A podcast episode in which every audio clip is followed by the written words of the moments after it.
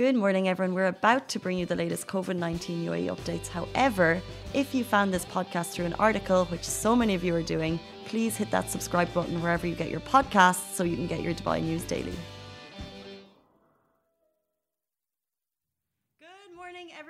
You doing? Welcome to the Lovin Daily, where we talk to you about the big trending stories that everyone in Dubai is talking about. Happy Thursday. I hope you're all doing well and you're safe wherever you're watching from. Do let us know in the comments below if you're on Facebook and Twitter, if you're at work, if you're at home. I am aware that going into a weekend may not be as exciting for everyone, but I still feel like no alarm for the next two days, regardless if you're working from home.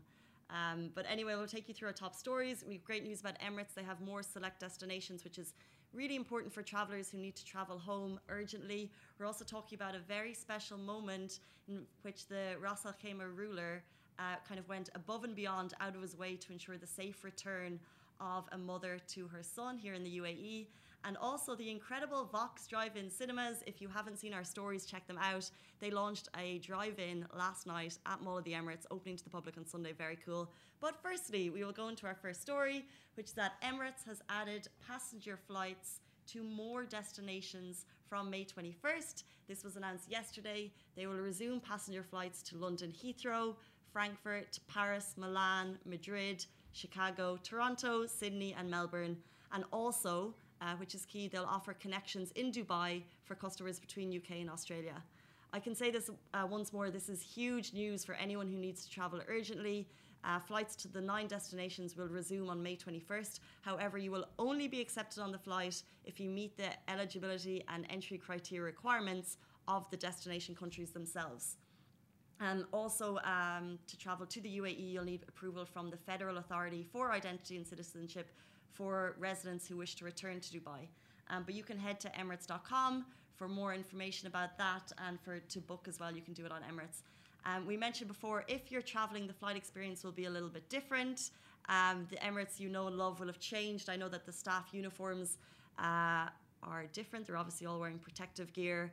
Um, the in-flight meals have been simplified to make sure that there will be kind of less um, interaction between cabin crew and passengers all done for the safety and protection of both uh, passengers and crew. So if you are traveling, just be aware that it's obviously it's a modified flight experience, but I think it's always amazing that not just Emirates, which I've mentioned there, but Emirates, Etihad, Fly Arabia, Fly Dubai, they are all doing these flights to bring people home, regardless if their homes are here in the UAE or beyond, uh, to get people home in this difficult time, which is incredible. And they're pulling out all the stops to ensure that it's a safe journey. Um, just before we move on to our next story, of course, whenever we talk about travel, I do want to mention we are well aware, and this is one of those stories that we're about to go into, that there are thousands of residents still stuck abroad. If you are one of those people, please go on to the Tajoudi service because now we are seeing a kind of a more rolling uh, increase in flights bringing people back.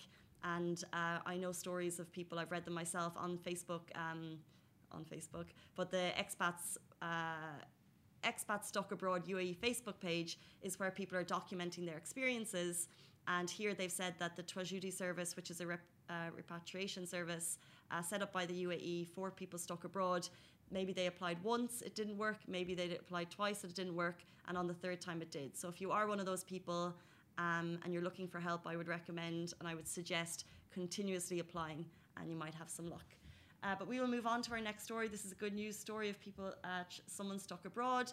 The ruler of Ras Al Khaimah has helped a mother return to the UAE after her worried son actually wrote him a handwritten letter. So Jessica Fitzjohn is a mum who was stuck in the UK and after she travelled there more than 50 days ago to attend her father's funeral, but then she was unable to return after travel restrictions, um, after there were travel restrictions put in place due to the COVID 19 outbreak. Uh, so her son Archie, who is just seven years old, you can see him here beside me, and her husband Richard, they live in RAK. Um, so Archie decided to send a handwritten letter and a drawing to His Highness Sheikh Saud, the ruler of RAK, and the ruler of Ras Al Khaimah, explaining their situation and just basically asking for his help. Uh, Archie had actually met the Sheikh last year, and in the letter he said that he remembered him as a very kind and a very helpful Sheikh. Um, and surprisingly, this is incredible, the ruler actually responded.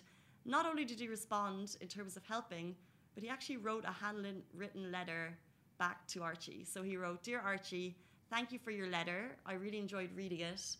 and I remember meeting you and having a great day with you and your classmates. He went on to add, I understand you miss your mommy very much, and I am very proud of you for being a brave boy. Uh, he said, I hope bringing her home will make you smile. After that, he then directed for Archie's mum to return, and she arrived back in early on Wednesday morning. And after 14 days quarantine, uh, she'll be able to meet her family. Um, but as you can imagine, the family are delighted and forever thankful to His Highness for the incredible kindness. I mean, how amazing is this? You can hear beside me. Can we play the sound of the video just for a sec? It's very touching on this Thursday morning. I can't thank the ruler enough for his kindness in organising my return. Um, I will be forever grateful for this moment. Thank you very much to everybody involved. It's been so long that we've been apart for, and I've never been apart for so long. I feel super happy. It's it's it's my first time to see her in 52 days and sleeps. I just miss her so much and I just want her back in the house. I would say to His Highness a great big thanks for writing another uh, letter back to me and, and trying to get my mum home. Absolutely overwhelmed, really, to have got a handwritten letter from His Highness. The procedures that his mom Jessica just went through to return back uh, to the UAE. It's a really lovely story. We'll actually post on Lovin Dubai in a little bit because I think the the most the nice part of that is Archie explaining the situation and that he hasn't seen his mom in over 52 sleeps, which I think is really cute. Um, but he will see her soon, so it's great news. It's nice, right? It's cute. It's cute on this Thursday morning, um, and it's a lovely story to hear that people are coming back.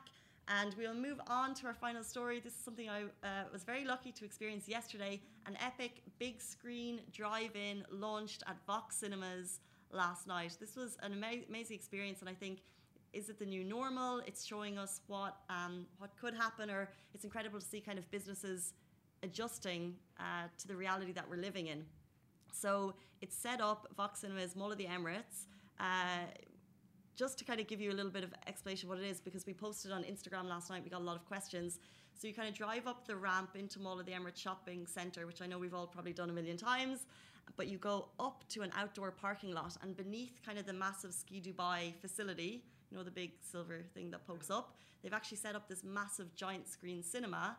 And then you drive, they had a red carpet for the night. Uh, you drive up, you get your iftar snacks, of course, because it's the holy month of Ramadan. We arrived there at 6.30 um, and it was all re- really well organised. Um, queuing, not at all, even though the whole place was full. I think it took us about five minutes to get through. We got our cinema snacks.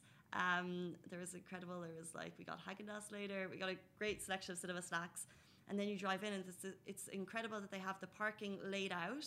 I'm not sure if this is intentional but most of the small or how they figure this out but most of the small cars are at the front and the bigger ones were at the back. Um, I think at one point someone came up and asked us to move our car because we were quite high up and we were in the third row. But apart from that I mean in terms of like start time uh, we were arrived at 6.30 the movie started at 7.15 7.30 and what's really cool is the audio of the movie comes from your uh, radio. So the audio is fantastic. No kind of noise from around us. They recommend that you just circulate the air of your car so you don't have it fully on, um, which was really cool. But in terms of an experience and for something fun to do, it opens to the public on Sunday.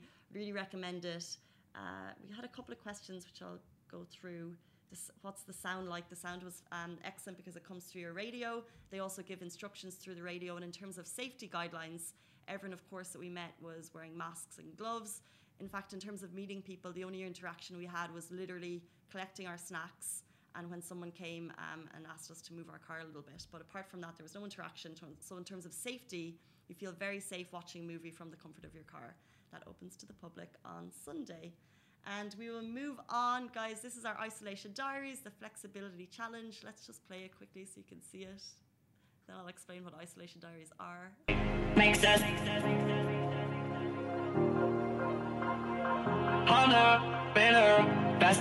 stronger. Work it, make it, do it, makes us